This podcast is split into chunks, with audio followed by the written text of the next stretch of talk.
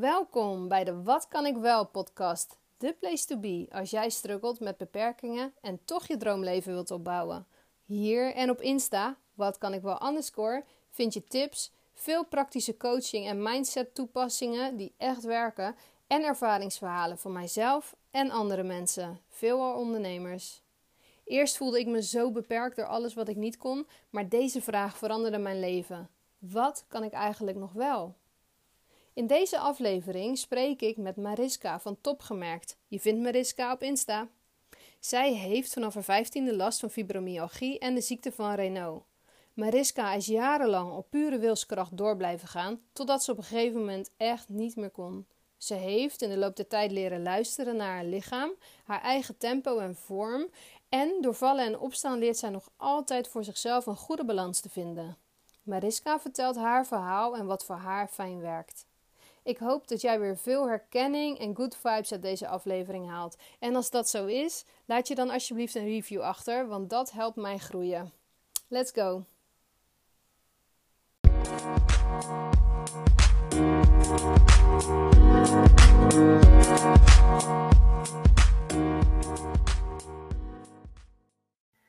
Goedemorgen Mariska, dankjewel dat je uh, aanwezig wilde zijn in de Wat kan ik wel podcast. Nou, we hebben elkaar net al heel even kort samengesproken en dan nu uh, zijn we echt aan het opnemen. En dan wilde ik eigenlijk gelijk maar beginnen uh, met aan jou te vragen ja, of dat je je misschien kort kan, kan voorstellen en wat je doet. En misschien ook waar je zo al tegenaan loopt qua gezondheidsstruggles. Ga ik zeker doen. Dankjewel Rosalie, want dat ik een eerste in deze podcast mag verschijnen. Nou, mijn naam is dus Mariska en heb eigenlijk het gezicht achter top gewerkt, waarbij ik als zichtbaarheidscoach ondernemers help en vooral ook vrouwelijke ondernemers wil helpen, hoe ze op een leuke, eigen, pure en authentieke manier eigenlijk hun zichtbaarheid kunnen vergroten. Uh, en denk dan ook vooral aan opvallende content, ook wel marketingstrategieën, maar ook vooral wat ik heel erg belangrijk vind, is echt die woest aantrekkelijke, sterke visuele online uitstraling. Waarbij je dus eigenlijk daarmee je eigen, ja, jezelf presenteert, jezelf ook gezien en gehoord kan laten worden. Uh, zodat je dus eigenlijk letterlijk topgemerkt wordt of magnetisch ook wordt voor het aantrekken van meer klanten. En vooral klanten waar je echt gewoon blij van wordt en energie van krijgt. Want ja, voor minder wil ik het ook gewoon niet doen. Dus uh, dat is een beetje een notendop uh, wat, wie ik ben en wat ik eigenlijk met mijn bedrijf doe. En ja, ik zeg altijd zo, ik heb inderdaad zelf ja, ziektes, wil ik het niet noemen. Want dat vind ik wel een behoorlijke soort van, ja, het voelt als een stempel. Uh, terwijl je jezelf natuurlijk mag bepalen van hoe ver vind ik het een ziekte en hoe ver vind ik het een aandoening. En ik voel het voor mij wel heel erg dat ik er gewoon eigenlijk naar kijk van ik heb een aandoening. Uh, ik heb geen stempel, ik heb geen ziekte, ik ben niet ziek. Uh, maar wel dat ik, dat ik inderdaad iets heb. En dat heeft inderdaad te maken met, uh, ik noem wel eens fibro, want het hele mooie woord, fibromyalgie, vind ik heel, een heel moeilijk woord om uit te spreken. ik struikel er ook echt iedere keer over. Oh ja, wat? Nee, gewoon fibro. Oh, oh ja, ik snap wat je bedoelt. En ja, voor mij is dat, dat heb ik inderdaad. En ik heb ook inderdaad de ziekte van Reinhout. En dat is dus ook eigenlijk een vaataandoening. Ook wel een beetje reuma-idee. Wat ook eigenlijk allemaal wel met die fibro te maken heeft. Uh, en dat betekent eigenlijk voor mij heel erg met overgangen warm en koud. Dat ik heel snel witte vingers krijg. Blauwe, blauwe lippen. Uh, maar ook mijn voeten die gewoon echt helemaal dood worden. Um, ja, nou, dus inderdaad leuk met live, uh, want ik, ik, hoop niet dat het echt doorkomt, maar mijn kat gaat nu precies in dit moment naar de kattenbak. Hi kat!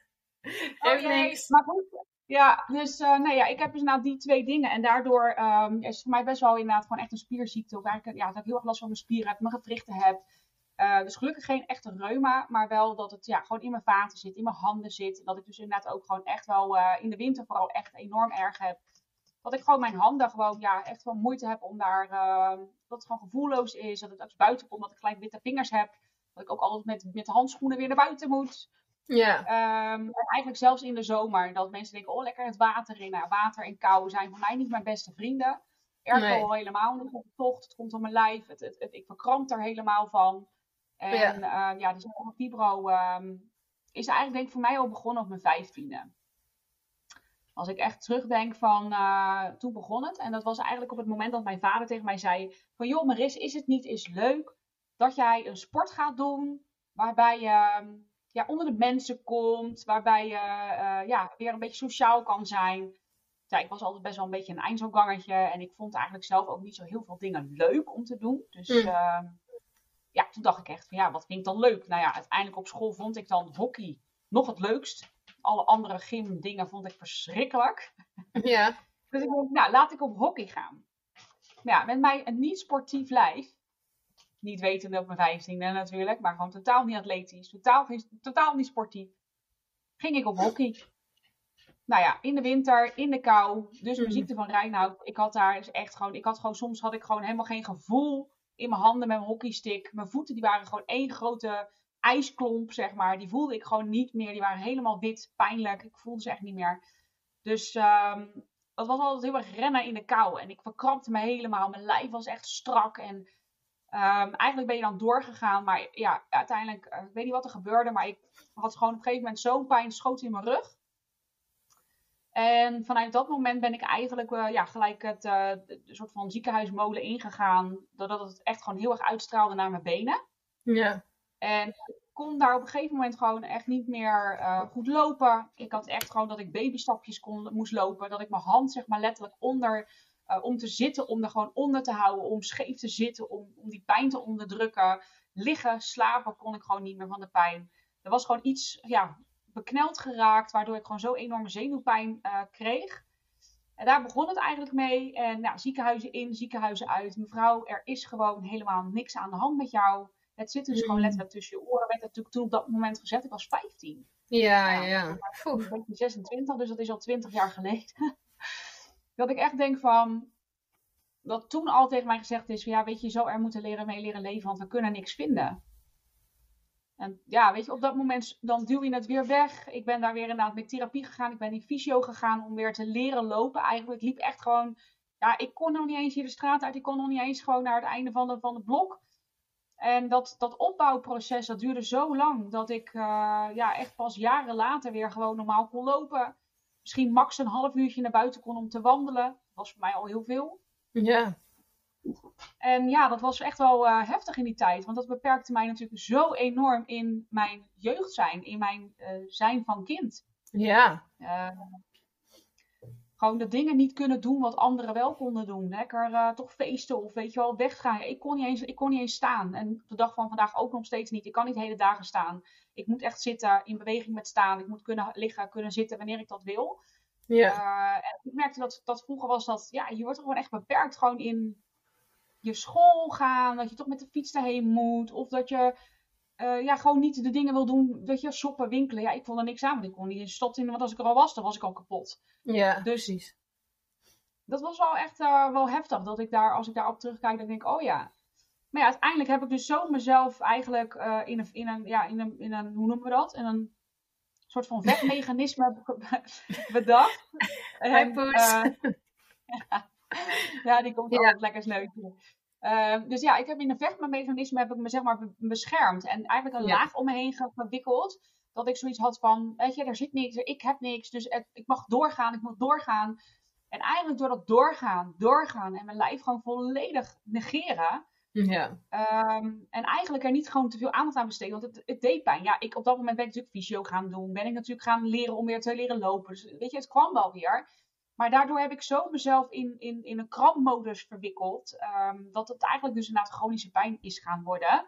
Ja. En dat ik natuurlijk daarmee ook eh ja, chronische vermoeidheid ben opgelopen. Omdat ik gewoon ja, daar, daarvan gewoon zo ontzettend moe was. Ja. En dat ik daar overheen maar gewoon door ben gaan, doorgaan, doorgaan. Nou, dat kennen we in de maatschappij, hè. Dat Ja. keiharde, doorgaan, niet sturen, wikkelen, gaan met de Ja. hand. Ja. Dus ehm, ja, dat zit bij mij natuurlijk heel erg dan ook echt in, in mijn, in mijn ja, doen en laten. Ja. En ehm, ja, dus op een gegeven moment, eh, doordat je dat zo hebt ontwikkeld, merkte ik het ook steeds meer dat ik echt steeds meer ook in mijn, in mijn benen gewoon zo'n rusteloos gevoel had. Pijn in mijn benen. Ik voelde ze niet meer. Eh, dat het echt gewoon, weet je, hele zware benen gewoon altijd. En dat ik ook echt naar bed stapte dat ik dacht, heb ik geslapen of niet? Want ik ben Hmm. gewoon moe, ik ben kapot. Ik kon, gewoon, ik kon gewoon mijn bed niet op een gegeven moment echt uitkomen. Heel zwaar, heel moeizaam. Het lichaam dat ik echt dacht van, jeetje, het is één groot, zet er 10 kilo over me heen.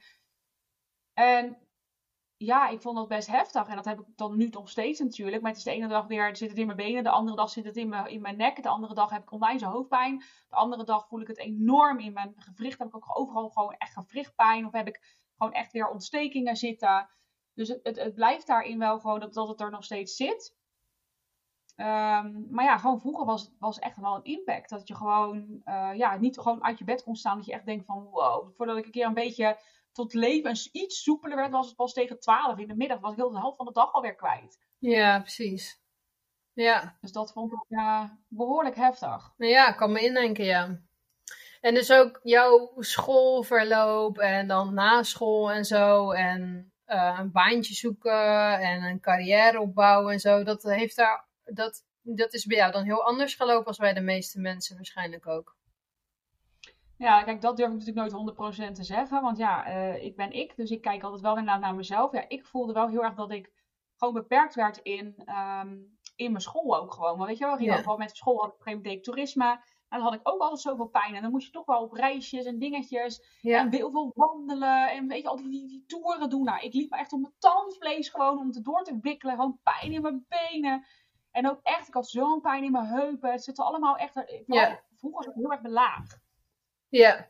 En daar heb ik ook wel hele goede behandelingen voor gehad. Om ook echt met transformational cupping heel erg heftig in mijn benen echt die trauma er ook uit te halen. Dus echt heel veel uitgehaald. Dus ik heb nu wel weer gewoon beide benen die ik voel. Ik heb nu wel weer gewoon dat ik denk van ik, ik, ik ja, er zit wel wat nog steeds. Ik heb nog steeds rusteloze benen, maar de pijn en de heftigheid die is er wel uitgeschraapt. Ja. Maar ja, weet je, op dat moment, je moet door. Je bent, je, bent, je je opleiding bezig. Je wilt je opleiding halen. Um, ja, je doet je pokerface op. Ik heb echt mijn pokerface op gehad. Van hè, ook een stukje alleen voelen. Uh, onwijs hoog gevoelig. Dus ik zag dingen, voelde dingen anders. Dat ik echt dacht, wat is dit? Ik wist het toen ook helemaal nog niet. Ik snapte er nee, precies. niks van. Nee. En, um, ik denk dat de hoop van ons daar wel mee, niet iedereen natuurlijk, maar echt wel heel veel mensen die um, echt wel met zulke ziekteklachten te maken hebben, die, uh, dat merk ik gewoon. Dat, dat, daar zitten veel mensen bij die echt wel heel sensitief zijn en heel veel oppikken. En um, ja, ook dat schild herken ik heel erg. Want ja, op een gegeven moment, in eerste instantie wil je natuurlijk gewoon doorgaan. Weet je, je wil eigenlijk helemaal niet, uh, niet anders zijn. En um, ja, dan ga je op pure wilskracht eigenlijk, ga je alles negeren en leren omgaan met uh, alle lasten en onzekerheden en, en, beperkingen en de pijn die je hebt om maar zoveel mogelijk door te kunnen gaan uh, natuurlijk. Ja, ja. zegt dat heel mooi. En dan op een gegeven moment kom je er wel achter van, ja, dat gaat, het gaat niet. Zeg maar. Het gaat, tenminste, bij mij was dat een burn-out waar ik heel hard tegenaan liep. Ja. Hoe is dat bij jou? Uh, ja, ook uiteindelijk, maar ik zeg inderdaad, op school was het inderdaad, je zegt dat vechtmechanisme tegen alleen voelen, heel erg alleen voelen. Ook echt best wel, vroeger ben ik ook echt enorm gepest geweest, ook op school, de basisschool, mm. echt op mijn uit, fysiek gewoon. Dus ook dat nam ik mee.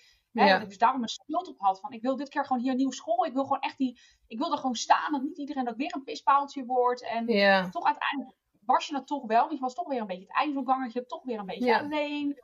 Maar ook dat ik dat van ja, dacht, ik, ik heb ook gewoon behoefte om alleen te zijn. Ik wil me niet alleen maar mengen tussen alleen maar krakende mensen. En dat, ik, dat, dat prikkelde gewoon zo enorm. Maar ja, dat had ik niet door.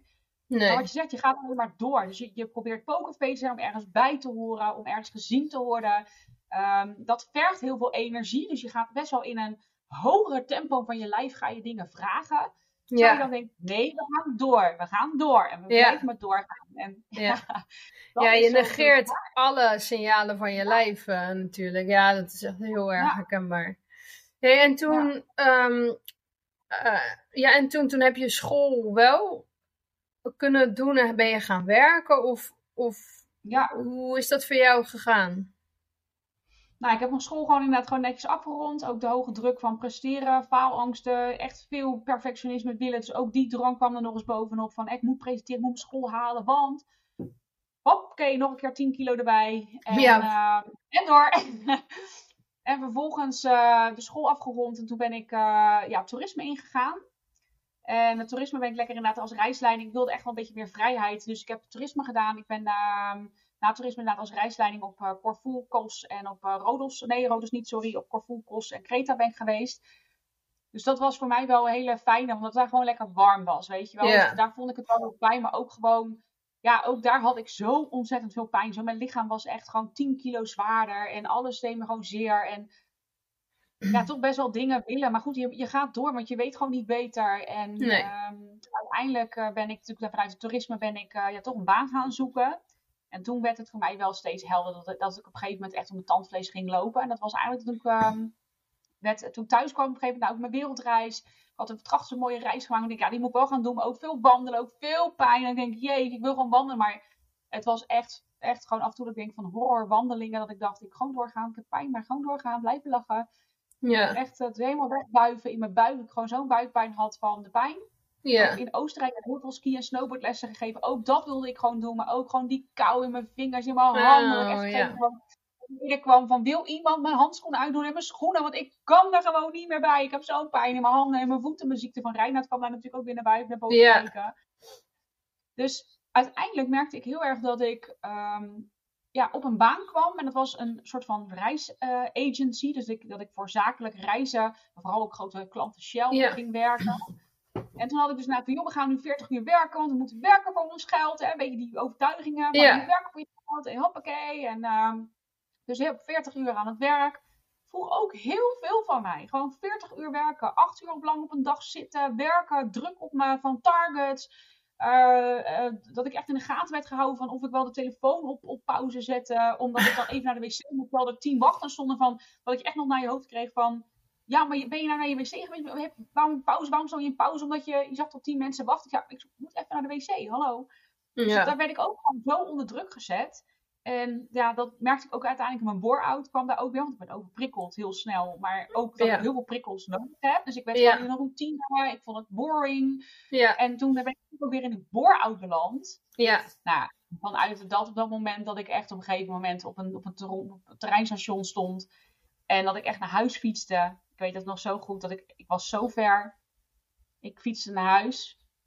Ik merk ook dat ik het, inderdaad nu als ik er terug over denk, dat het me echt raakt. Mhm. Dat ik op een gegeven moment op de fiets zat. En ik, ja, ik, ik dacht ik ga naar huis. Ik wist dat mijn moeder thuis was. En ik, zat, ik was aan het fietsen.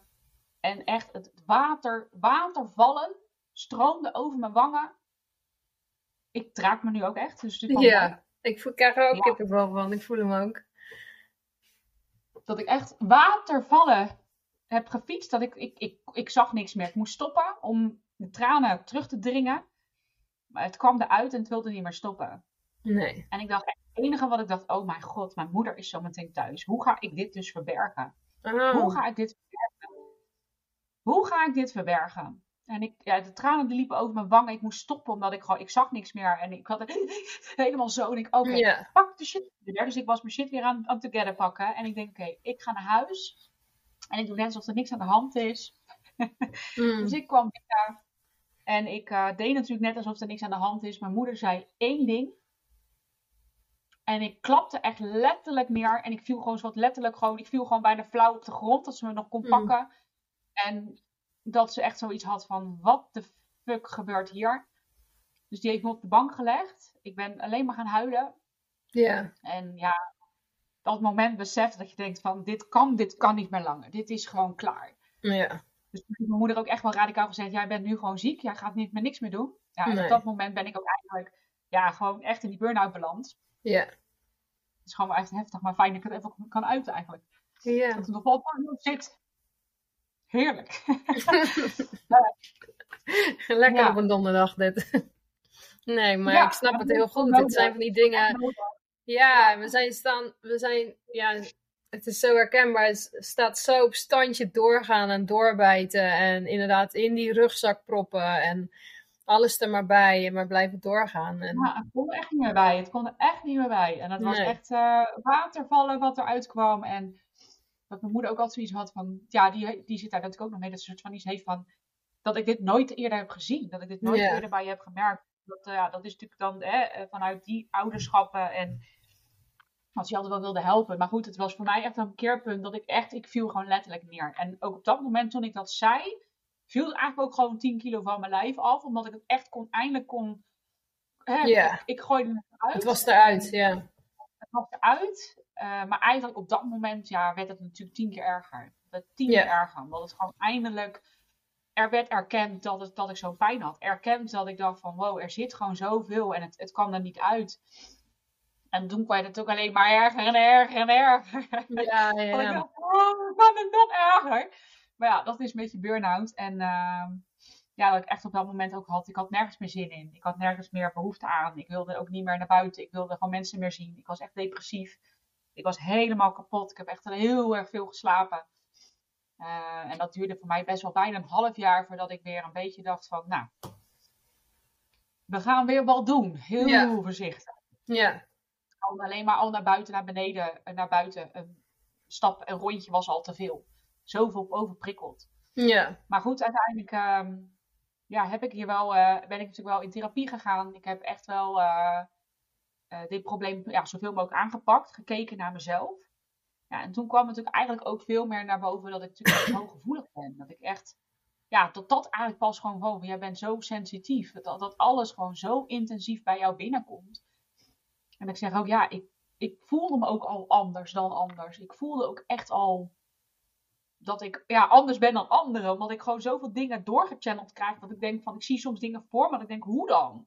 Terwijl anderen denken, dat daar hoor ik nooit anderen over. En die Nee. connectie kon ik niet maken. Ook met mensen op school niet, maar ook niet in mijn werk. Ik kon die verbinding niet maken met mensen. Ik, het gevoel zat er niet bij. Ik snapte er niks van. Dus eh, ook mensen kiezen of vriendschappen die je hebt, is daar ook best lastig. Want je zoekt Ja. diep gewoon, je zoekt mensen die ook dit snappen, die dit ook voelen, die dit ja, kunnen omarmen. En niet alleen maar zeggen van, joh, zou je wel gaan ondernemen, want.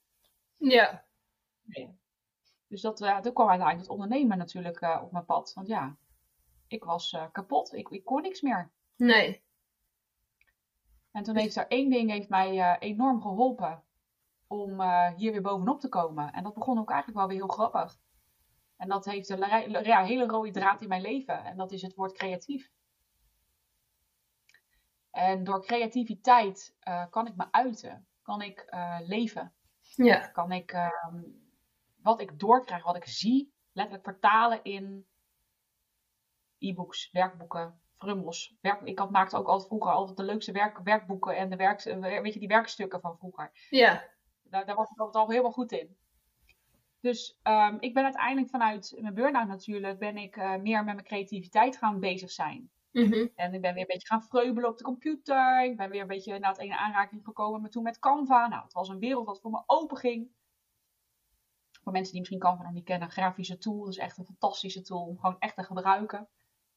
Ehm, en toen ben ik, ja, het was een beetje met kerst. En met kerst deden wij altijd ook met de familie, geven we elkaar zeg maar voor een klein cadeautje om gewoon, ehm, ja, toch een beetje een cadeautje te krijgen. Maar gewoon, ik wilde eigenlijk voor iedereen wat doen en dan gewoon voor iets kleins. En dat je iedereen eigenlijk een cadeautje had, attentheid.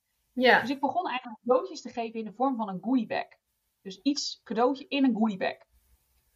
En zo begon ik eigenlijk. Dacht ik, hey, dit is leuk. En toen begon ik eigenlijk mijn, ja, mijn allereerste bedrijf. Dat heette toen Your Goodiebag. Dus echt, eh, wie wil jij verrassen met echte cadeautassen. En dan niet zeg maar die penaria die je dan krijgt. Hè? Ik wil een goodiebag doen met alle gratis frummel. Maar echt dat je een cadeautas krijgt in de vorm van een goodiebag dat je kan geven.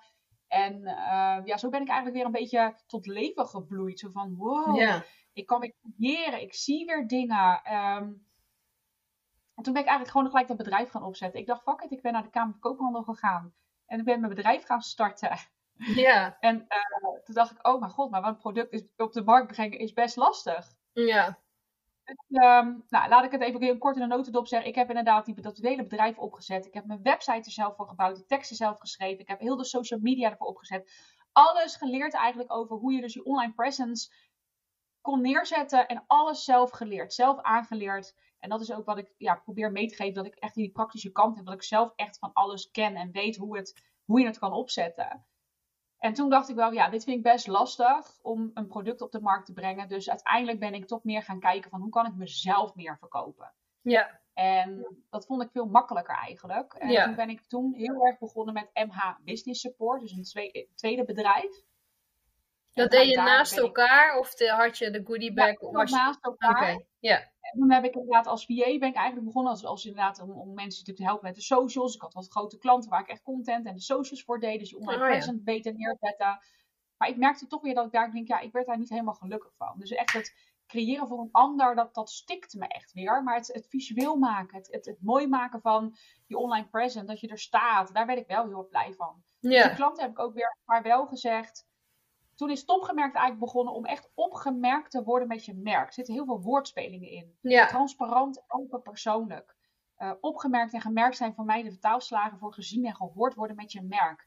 En dat betekent niet dat hè, we willen allemaal gezien en gehoord worden. Maar het is vooral dat jij jezelf online neer kan zetten die comfortabel voelt, die eigen voelt, authentiek voelt, fijn voelt. Dat je het volhouden kan. En dat het daarbij eigenlijk zo is dat mensen jou weten te vinden in plaats van dat je moet leuren, sleuren, trekken. Ja. En dat je dus letterlijk gezien en gehoord kunt worden door je ideale klant. En niet dat jij het slachtoffer hoeft uit te hangen van ik zie mij nou, ik moet gezien worden. Want Mhm. dat is iets wat, wat je intern kan, kan verhelpen, kan uh, omarmen. Van ik, weet je, ik mag er zijn. Ik mag er zijn. Maar ik mag ook, hè, ik mag mezelf dus neerzetten op een manier waarbij ik dus ook letterlijk gezien en gehoord kan worden. Dat is een hele andere ingang. Ja, zeker. Dat is echt wat voor mij opgemerkt heel veel staat. En dat ik heel veel voelde dat ik daar gewoon veel meer mijn balans in kon vinden. Ook met mijn chronische aandoening, dat ik gewoon heel snel moe ben. Uh, heel snel geen focus meer heb. Mm -hmm. uh, het kan zo zijn dat ik na deze podcast al meteen denk: wow, ik, mijn energie is al even op. En dan ga ik gewoon een powernappie doen. Terwijl Ja. ik nog heel veel te doen op mijn lijst heb staan. Maar ik moet ernaar luisteren van hoe voel ik me nu? En als ik me helemaal moe voel, kan ik wel mijn taken gaan doen op mijn takenlijst. Maar die gaan er gewoon niet makkelijk uitkomen, omdat het me zoveel energie kost, zoveel focus kost, zoveel concentratie kost, wat ik gewoon dan op dat moment niet heb. Nee, precies. En dat is heel lastig in het inderdaad ondernemerschap, om Ja. die balans te vinden tussen dingen doen waar je gewoon nu blij van wordt. En eigenlijk is dat de vrijheid die ik mezelf heb gegund om te gaan ondernemen. Omdat ik voor een baas, als ik moe was, Ja. hey, zijn er bedrijven waarbij je gewoon even een bedje hebt achter liggen. Dat je denkt, ik ga even een uurtje slapen. Want daarna blijf ik wel een uurtje lang, maar ik voel me daarna gewoon weer tien keer productiever. Ja, nee, dat Ja. gaat niet. Nee. Dus, dus hoe doe je dat nu dan praktisch gezien? Als we kijken naar jouw week bijvoorbeeld. Dus wat zijn de dingen waarvan jij al weet van daar. Ja, dus hoe plan jij bijvoorbeeld je week in? Of plan je überhaupt je week in? Of doe je dat juist heel organisch? Dus hoe ga jij nu, ja, hoe ga jij nu om met eh, je bedrijf, inkomen en ehm, ja, de aanpassingen die je moet maken voor jezelf? Hele mooie vraag, hele mooie vraag.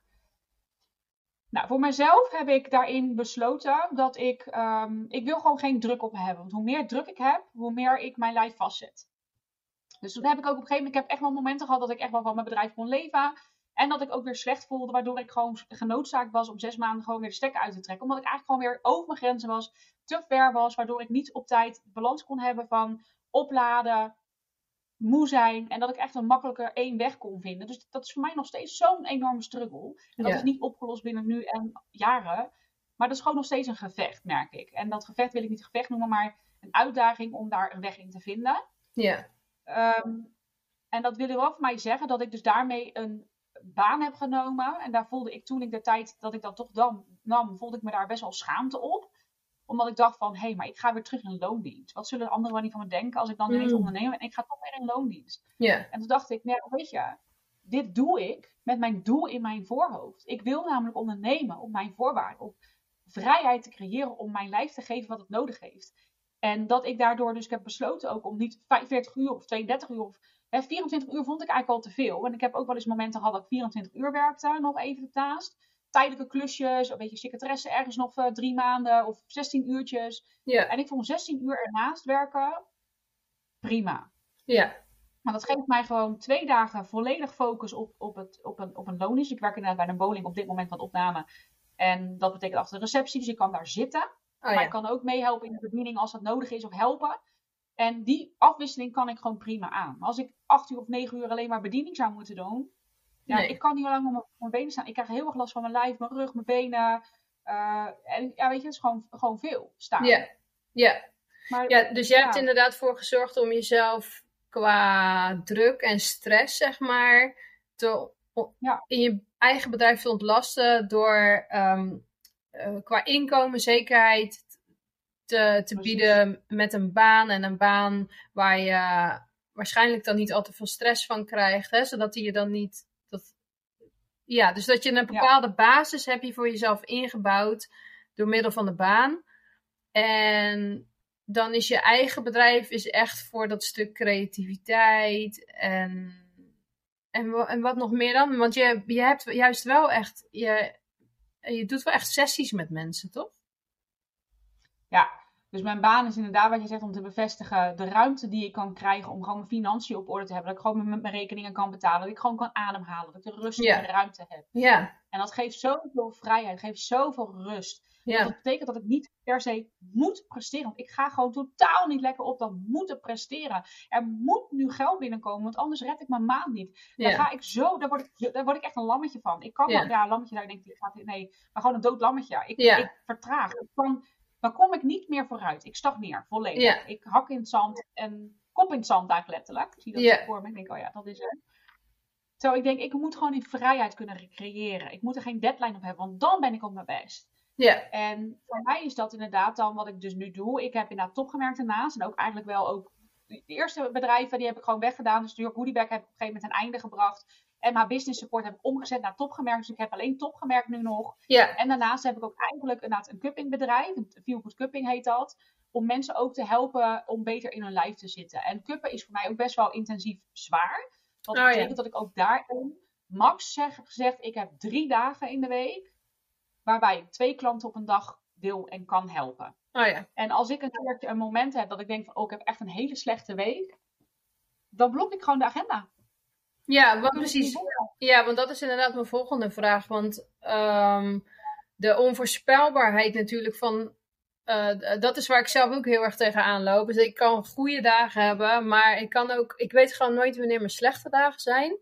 En nee. ik ben dan zelf bijvoorbeeld coach. En um, ja, waar ik gewoon heel erg tegenaan liep, is van ja, ik, dan ben je eindelijk op een punt dat je je agenda kan gaan vullen, zeg maar.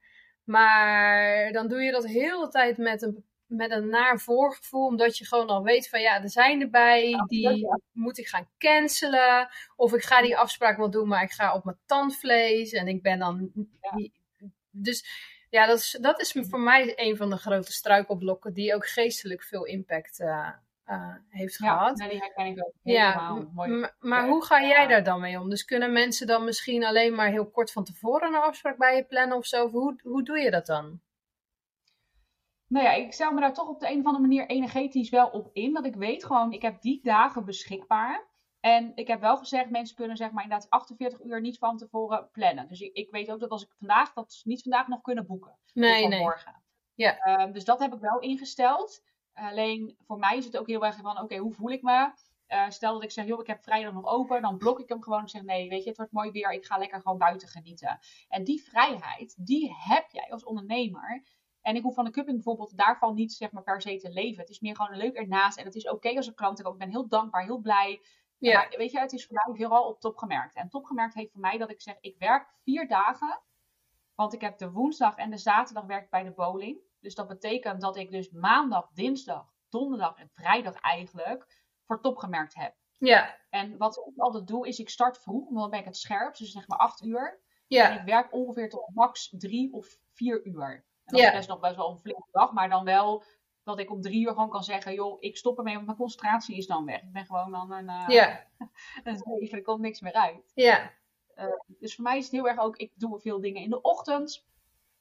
En eigenlijk, nou wat jij zegt over die planning maken, dat zei je net ook heel mooi. Ik ben ook altijd zo iemand van, ik ben eigenlijk niet zo goed in plannen, zeg ik altijd. Nee, ik ook niet. Ja.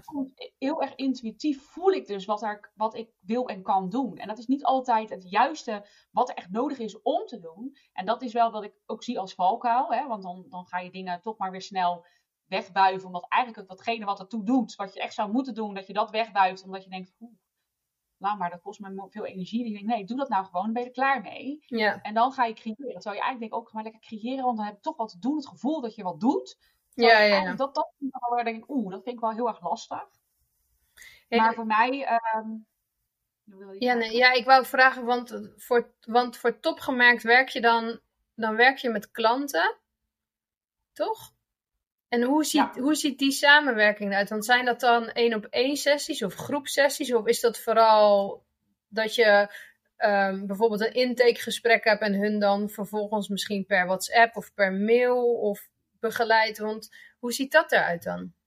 Ja, nou, ik heb eigenlijk uh, maar twee dingen op dit moment. Hè. Dat is mijn boost, uh, je, je, je, nou ja, je boost je content sessies. Dat zijn ja. eigenlijk één op één sessies van ja. anderhalf uur. Dus mijn tijd bewaak ik ook in max anderhalf uur. En daar kunnen ze inderdaad eigenlijk gewoon een basisfundering voor hun zichtbaarheid uh, met mij bespreken. Dat kan zijn over hè, het zichtbaar zijn, maar ook content, basisstukken. Je doelgroep niet helder hebben, waarom je het moeilijk vindt om content te schieten. Content ideeën brainstormen. Gewoon echt een beetje alles erop en aan. Ja. En wat ik daar vaak van doe, mensen kunnen dat gewoon boeken. Kijk, op een gegeven moment weet je wel gewoon van ja, ik heb bepaalde tijden en data ingeboekt. Dus als mensen dat boeken, moet je dat wel gewoon na kunnen komen. Ja. Alleen wat ik wel voel, als ik, eh, ik vind het ook heel, heel belangrijk dat mensen ook transparant zijn. Dat is ook echt degene die ik natuurlijk aantrek. Wees eerlijk wat je zegt en wat je voelt vooral. Wat voel je als jij, ik heb ook eens momenten gehad, ik zeg, joh, net als bij jou net ook van, zei ik eigenlijk, mag ik een kwartiertje later. Ja. Het had gewoon te maken met echt wel, normaal gesproken at ik nooit. Eet ik veel later, maar ik had echt honger. En toen dacht ik, als ik dat geen aandacht geef, kan ik voor jou niet 100% aanwezig zijn. En toen dacht ik, nee, ik ga toch vragen aan jou, mag ik een kwartiertje later? Want dan kon ik wel eten en dan ben ik nu gewoon present. En dat vind ik heel transparant, dat ik denk, dat zou ik heel graag, ik ben ook zo transparant, maar ik vind het heel fijn als ook mijn klanten, als ze toch een keertje zeggen, joh, ik kan niet, Ja. ik voel me niet goed vandaag, mag ik hem verzetten? Natuurlijk mag ik het een keer verzetten. Kijk, het moet niet structureel zijn, maar dat kan bij mij net zo goed Ja, ook gebeuren. Ja. Want ik zeg, joh, ik voel me vandaag echt zo energieloos, kunnen we hem verzetten? En dan kan ik er wel met 100% aandacht bij je zijn. Ja. Ja, En interessant. dat is, dat is Ja. Ja, dat is wat Oh, Lara in de eerste podcast, dus wat zij ook al inderdaad zei, van, ehm, dat zij ehm, ja, toch ook bepaalde mensen aantrekt die een beetje wel in een vergelijkbare situatie zitten. En dat ze zichzelf de vrijheid verschaft om ehm, te mogen cancelen, indien het niet anders kan. En dat, ze, dat, dat haar cliënten dat ook inderdaad eh, mogen. Omdat je toch, ja, je trekt meestal toch mensen aan die, die dat in ieder geval begrijpen of herkennen en ook wel eens nodig Ja, hebben. dat vind ik ook zo belangrijk, dat, dat, dat, dat energiemanagement toepassen en voelen en positiviteit. Van, tuurlijk, het is niet mijn intentie om een afspraak te cancelen, want ik Nee. wil ook gewoon wel de ruimte geven om mezelf te trainen van, weet je, als dit er is, dan betekent, heb ik altijd met mezelf wel afspraken gemaakt, en ook vanuit mijn burn-out eigenlijk nog, dat ik zelf altijd maar één afspraak of één extra ding op een dag plan. Dus dat betekent, even een voorbeeld, dat ik stel, ik heb nu bijvoorbeeld met jou deze eh, Ja. podcast, maar dat betekent dat ik dus eigenlijk daarnaast geen veel andere dingen nog ernaast kan doen. Misschien nog één Nee. ding, want eerst was echt maar één afspraak en dan was het. Nu heb ik er twee.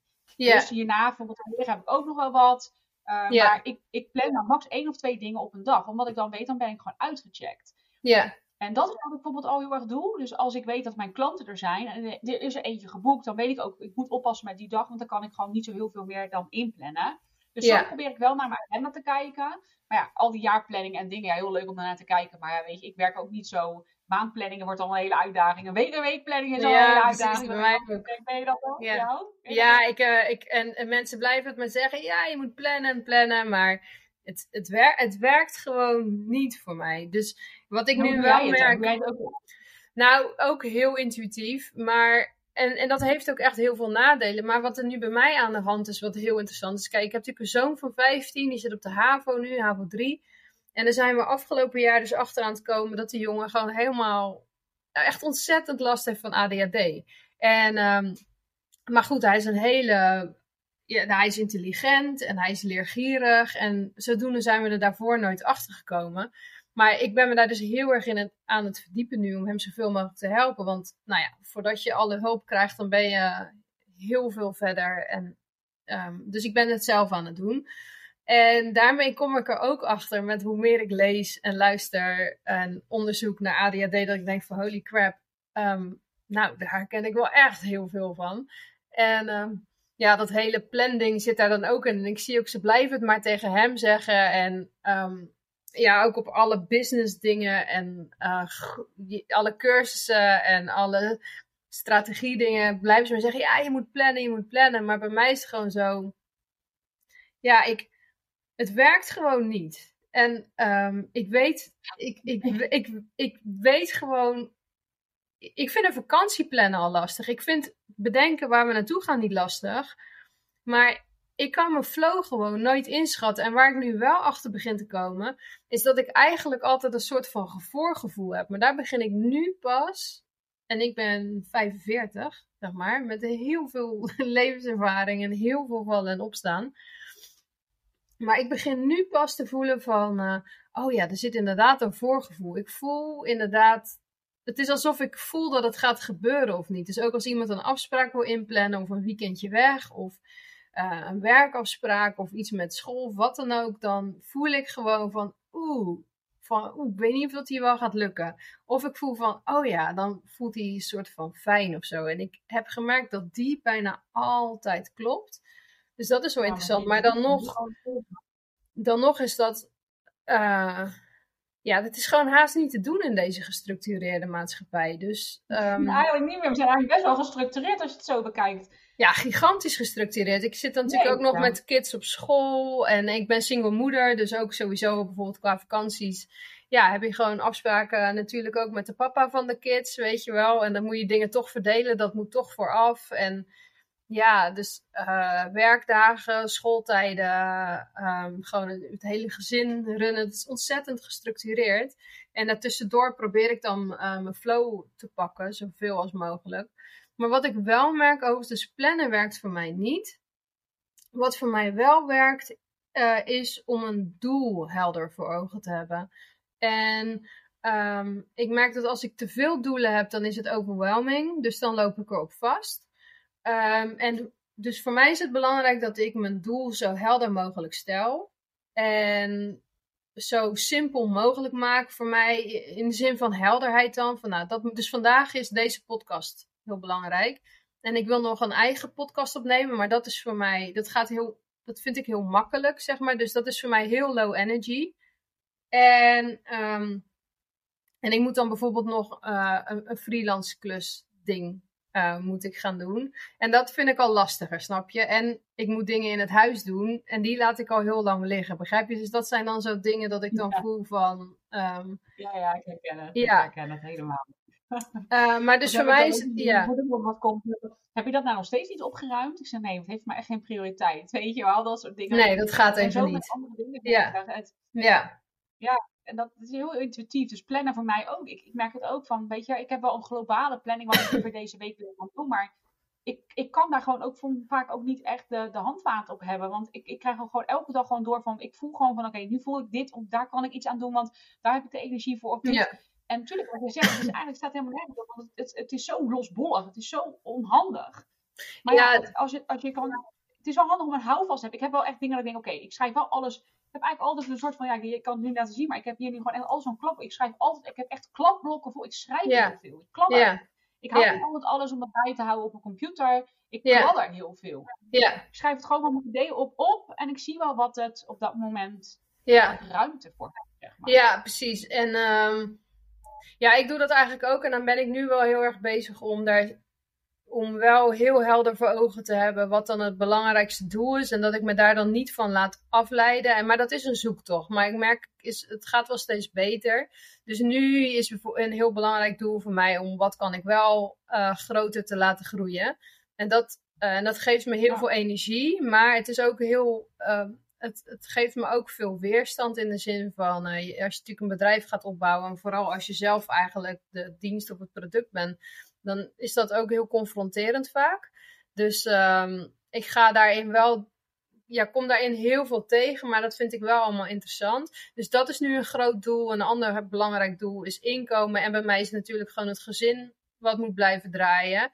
En het doel is dat ik me zo goed uh, als mogelijk voel. Dus ik kijk daarin heel erg naar voeding, naar levensstijl. Um, ja, op, uh, ja, gewoon naar fitheid, zeg maar. En, en naar rust. En dat is een gek genoeg, of misschien ook wel niet. Ja, eigenlijk vind ik dat heel gek. Maar dat rust pakken zo ingewikkeld is eigenlijk. Want het is eigenlijk zo simpel. En tegelijkertijd zo ingewikkeld. Ja, en um, ja, dus dat is hoe ik dat uh, aan het doen ben. En dus ja, voor mij gaat het echt om het versimpelen van, van het doel. En te zorgen dat ik dat ik het helder heb en wat mijn doelen zijn, zeg maar. Dat ik, en het, dat je dan af en toe ook mag zeggen van, oké, nou dat valt er dan nu dus even vanaf gewoon. Die, die, Ja, die moet geparkeerd worden. Ja. ja, en dat heb ik ook hoor. Dus voor mij is het echt gewoon, nou hè, ik, ik werk gewoon woensdag tot met zaterdag werk bij de woning. Dus dan ben ik ook echt een plucht van mijn business. Ik wil daar ook echt zo, alleen als ik het voel om iets te posten, iets te delen of wat het uit flow komt. Maar ik wil daar niet bewust mee stilstaan, dat ik ook echt letterlijk het kan uitchecken en dat ik kan inchecken bij mijn andere werk. En dat geeft mij ook heel veel eh, eh, meer rust, omdat je anders hebt heb je onrust. Van, oh, eh, dat moet nog even, nee, dat, dat is heel erg veel Ja. stress. En ik heb Ja. nu gewoon zoiets van, weet je, maandag, dinsdag, donderdag en vrijdag zijn mijn werkdagen. Vrijdag ook eigenlijk wel vaak een beetje minder, omdat ik dan gewoon ook wat vrij wil zijn. En de zondag Ja. ook eigenlijk gewoon dan ook dat wil hebben. Ehm, en wat ik ook wel eens vaak doe, is ook gewoon gezondheid. Omdat ik heel erg van het klas heb van mijn lijf. Dat ik ook vaak nu eigenlijk de zomerstop heb. Maar dat ik wel heel vaak om de twee weken, elke, eh, zeg maar één keer in de week, eh, een avondje naar de sauna ga. Dus die Ja. zelfzorg, die plan ik bewust in. Omdat Ja. ik het nodig heb voor mijn lijf. Maar ook om de ontspanning te pakken. En dan betekent het ook echt dat ik op om drie uur al gewoon stop met werken. En dan Ja. om de twee weken dat ik dan gewoon lekker naar de sauna ga. Of wat vaker inderdaad om drie uur stoppen. Dat ik even lekker op het balkon ga zitten. En Ja, wat jij zegt, het is zo moeilijk om. Ik heb dat echt hoor. Ik, ik, ik kan, als ik eenmaal door ben gaan, ik kan ook doorgaan. Hè? Ja, Als ik de ja, tijd verlies en dan denk ik op een gegeven moment, jeetje, ik heb pijn in mijn lijf. En denk ik, oh, kijk naar de klok. En dan denk ik, huh? Weet je, en dan ben ik helemaal weer verstijfd. En dan word ik volgende op het wakker met zo'n nekpijn, Ja. zo'n schouderpijn, Ja. armen. precies. Denk, oh, wat heb ik nou weer gedaan? Ja. Hoe leuk dat je daarvoor dat je daar weer eens afkomt, ben je gewoon weer een week verder. Hè? Ja, precies, precies. dan denk ik, shit. Ja, Ja, en dan ben je een beetje boos, gefrustreerd. En je denkt van nee, maar pak dan maar bewust vaker die ruimte, die rust. eh, vaker even geen werk. Gewoon vaak eerder die laptop dichtknallen. Ga maar lekker op de bank, ga maar mediteren. Ga maar even, even wat andere dingen doen. Dat is al echt lastig, vind ik hoor. ja, ja, herkenbaar. dan Ja, wil ik door. ja. Dus ja, Hé hey Mariska, want we, zitten, we gaan een beetje richting eh, de tijd die we hadden afgesproken. Eh, wat, eh, voor, heb jij een tips die je zou willen delen voor mensen die misschien ehm, net pas weer beginnen met ehm, ondernemen of het al wel aan het doen zijn, maar die echt nog struggelen? Ehm, of, of is er iets wat je tegen ze wil zeggen? Of heb je een tip of iets wat voor jou echt verschil heeft gemaakt? Of, nou ja, ik zou het altijd sowieso willen zeggen. Als je een beetje hè, je bedrijf aan het opbouwen bent en je stoeit een beetje met zichtbaarheid. En je vindt het allemaal lastig hoe je dat op een eigen en authentieke manier moet doen. Moet je sowieso bij mij zijn. Laat Ja, me dat eerst ja. zeggen. ja, absoluut. Maar wat ik heel erg belangrijk vind, wat ik gewoon heel erg belangrijk vind, is energiemanagement toepassen. Dus echt op een manier dingen gaan doen, ook met je onderneming, die goed voor jou voelt. Een manier gaan vinden, want we zeggen altijd vaak, zoek weet je, op een manier die bij je past. Ik vind dat heel lastig, want welke manier past dan bij je? Hè? Die ga jij ook, ja, maar ja, dat werkt niet bij me. Dus je moet het eigenlijk eerst een beetje ontdekken, ja. spelen. Ja, en hoe voelt dat dan, hè, wat bij je past? Want, is dat dan? ja, precies. Want ja, hallo, tanden op elkaar en doorgaan, dat is het standje dat we kennen. Ja, dan past toch alles? Je zorgt er wel voor dat het past. zichtbaar zijn. Ja, Maar wat is voor jou gewoon zichtbaar zijn? Wat, is, wat past daarbij? En wat voelt goed? En eh, dat is wel wat ik zeg inderdaad in je bedrijf. Dat je echt wel gewoon mag kijken van hoe voel ik me? Heb ik grenzen? Heb ik, als ik het over mijn eigen vak ga, zichtbaar zijn. Of in ieder geval, laat ik zeggen, online present zijn. Je bedrijf eigenlijk als een visitekaartje neerzetten. Moet jij daar dan 24-7 zichtbaar voor zijn? Nou, ik geloof daarin absoluut niet. nee. Uh, maar wel dat je gaat kijken, wat zijn mijn voorwaarden? Wat zijn mijn kernwaarden? Waarom wil ik wel zichtbaar zijn? En wanneer dus niet? Wanneer ga ik wel met een klant zitten en wanneer niet? Ik ben er ook nog steeds mee aan het spelen. Want in de ochtend ben ik eigenlijk het meest productief. Maar in de middag ben ik gewoon moe. Dus dan klap ik vaker mijn laptop dicht. Terwijl ik denk van, ik ben daar ook bijvoorbeeld nog aan het stoeien mee. Dus probeer te spelen. Ga kijken naar, als ik een ochtendsessie doe. Eigenlijk als ik een ochtendsessie doe, ben ik daarna niks meer waar. Want ben ik moe. Maar terwijl mijn productiviteit wel het meest in de ochtend zit. Ja, Dus ik test dat af om het in de ochtend te doen. Kijken wat het dan met me oplevert de rest van de dag. En ik test het van wat als ik lekker in de ochtend gewoon mijn eigen ding doe, creëren. En dat ik in de middag nog een sessie doe. Want zo'n sessie kost mij dan minder energie dan dat ik het misschien in de ochtend doe. Dus kijk ook voor jezelf, wat zijn mijn grenzen? Waarom, wanneer wil ik met een klant werken? Wanneer wil ik mijn agenda indelen? Of in ieder geval, wat zijn mijn grenzen daarin dat ik mijn eigen energie kan bewaken en mijn eigen gezondheid op nummer 1 kan zetten? Hmm. Wat kan ik doen waarbij ik bijvoorbeeld niet... Kijk, bijvoorbeeld, ik heb een mooi voorbeeld als bijvoorbeeld een masterclass. Ik hou echt van masterclass geven. Ik vind het leuk om mensen te trainen, te coachen, te helpen. uh, voor groepen te staan. Maar als ik dan op zo'n masterclass moet ik een tijd blokken in mijn agenda. En als er dan geen ene, ja, ik zeg het even oneerbiedig, maar als er geen ene hond op afkomt. Ja. Dat geeft mij zoveel energie op dat moment. Want je wilt het toch geven, je wilt de opname maken. Ja. Uh, maar het kost je heel veel energie. Terwijl ik denk van, ja, op een andere manier zo indelen wat misschien wel bij past. Ik zeg, ik ga alleen maar podcast opnemen. Omdat het van mij van nature gaat. Hoef ik niet rekening te houden met. Ik kan het opnemen als ik bij mijn kinderen op de voetbalvereniging. Of weet ik, bij de, weet ik waar zit. Of bij de turnvereniging. Of dat ik op vakantie ben en het stroomt. En ik kan het, snap je, lichter maken voor jezelf. Een, een weg vinden die goed voor jou voelt. Vooral voelen van, wat heb ik nodig? Wat kan ik wel? Ja, precies. Wat kan ik wel en integreer dat in je bedrijf. En niet kijken naar, ja, maar ik heb inderdaad last. Dus ik, ik weet ook, als ik ochtend ben ik het meest productief. Um, daarom ga ik er wel eerder uit. Maar ben ik helemaal lekker stijf? Nee, maar ik ben ook nog niet iemand in mijn hoofd dat ik gelijk kan mediteren. Omdat ik denk, nee, maar ik wil nu juist wel doen. Ja, ja, ja. Dan ga ik Dus voor mij is het kijken, ook voor jou, weet je, als ondernemer, kijk naar, ben ik iemand die liefst in de ochtend wandelt? Wil ik wandelen? Ja. Waar krijg ik rust van? Ben ik iemand die in de natuur uh, is? ja, kijk naar echt die dingen wat, ja, dat is echt wel een beetje denk ik mijn advies wat ik wil meegeven. Gewoon het echt gaan indelen ja. op een manier die goed voor jou voelt. Dankjewel, dankjewel. hey, en waar, uh, waar kunnen we jou vinden? Ja, ik weet het natuurlijk al en ik link je natuurlijk ook overal, maar uh, je mag het nog even zelf vertellen ook. Waar je mij kunt vinden. Nou ja, ik heb sowieso eigenlijk ook, ook een één op één traject. Waarbij ik het echt een zelfverzekerd zichtbaarheidstraject heb. Om vrouwelijke ondernemers echt een half jaar te helpen, te coachen. Uh, om dus echt te groeien in dat stuk zichtbaar zijn. Zelfverzekerd, comfortabel zijn online. Uh, je eigenlijk je eigen visitekaartje dusdanig insteken. Dat je echt gezien en gehoord kan worden door je, door je volgers. En dat jij ook gewoon comfortabel lekker jezelf kan zijn online. En dat mensen daar op die vibe en energie naar je toe komen. Nou, en ik ben gewoon te vinden op topgemerkt, topgemerkt op Instagram eigenlijk alleen. Of www.topgemerkt.nl En natuurlijk gewoon stuur me gewoon altijd een DM'tje of een berichtje. Vind ik altijd leuk. En dat uh, ik zou zeggen, ja, contact me via Instagram eigenlijk. Oké, hartstikke goed. Dat gaan we doen. Dankjewel Mariska. Nee, onwijs bedankt dat ik hier uh, aan mocht deelnemen. Roos, dankjewel. Graag gedaan. Jij heel erg bedankt. Dank je, doei! We'll be right back.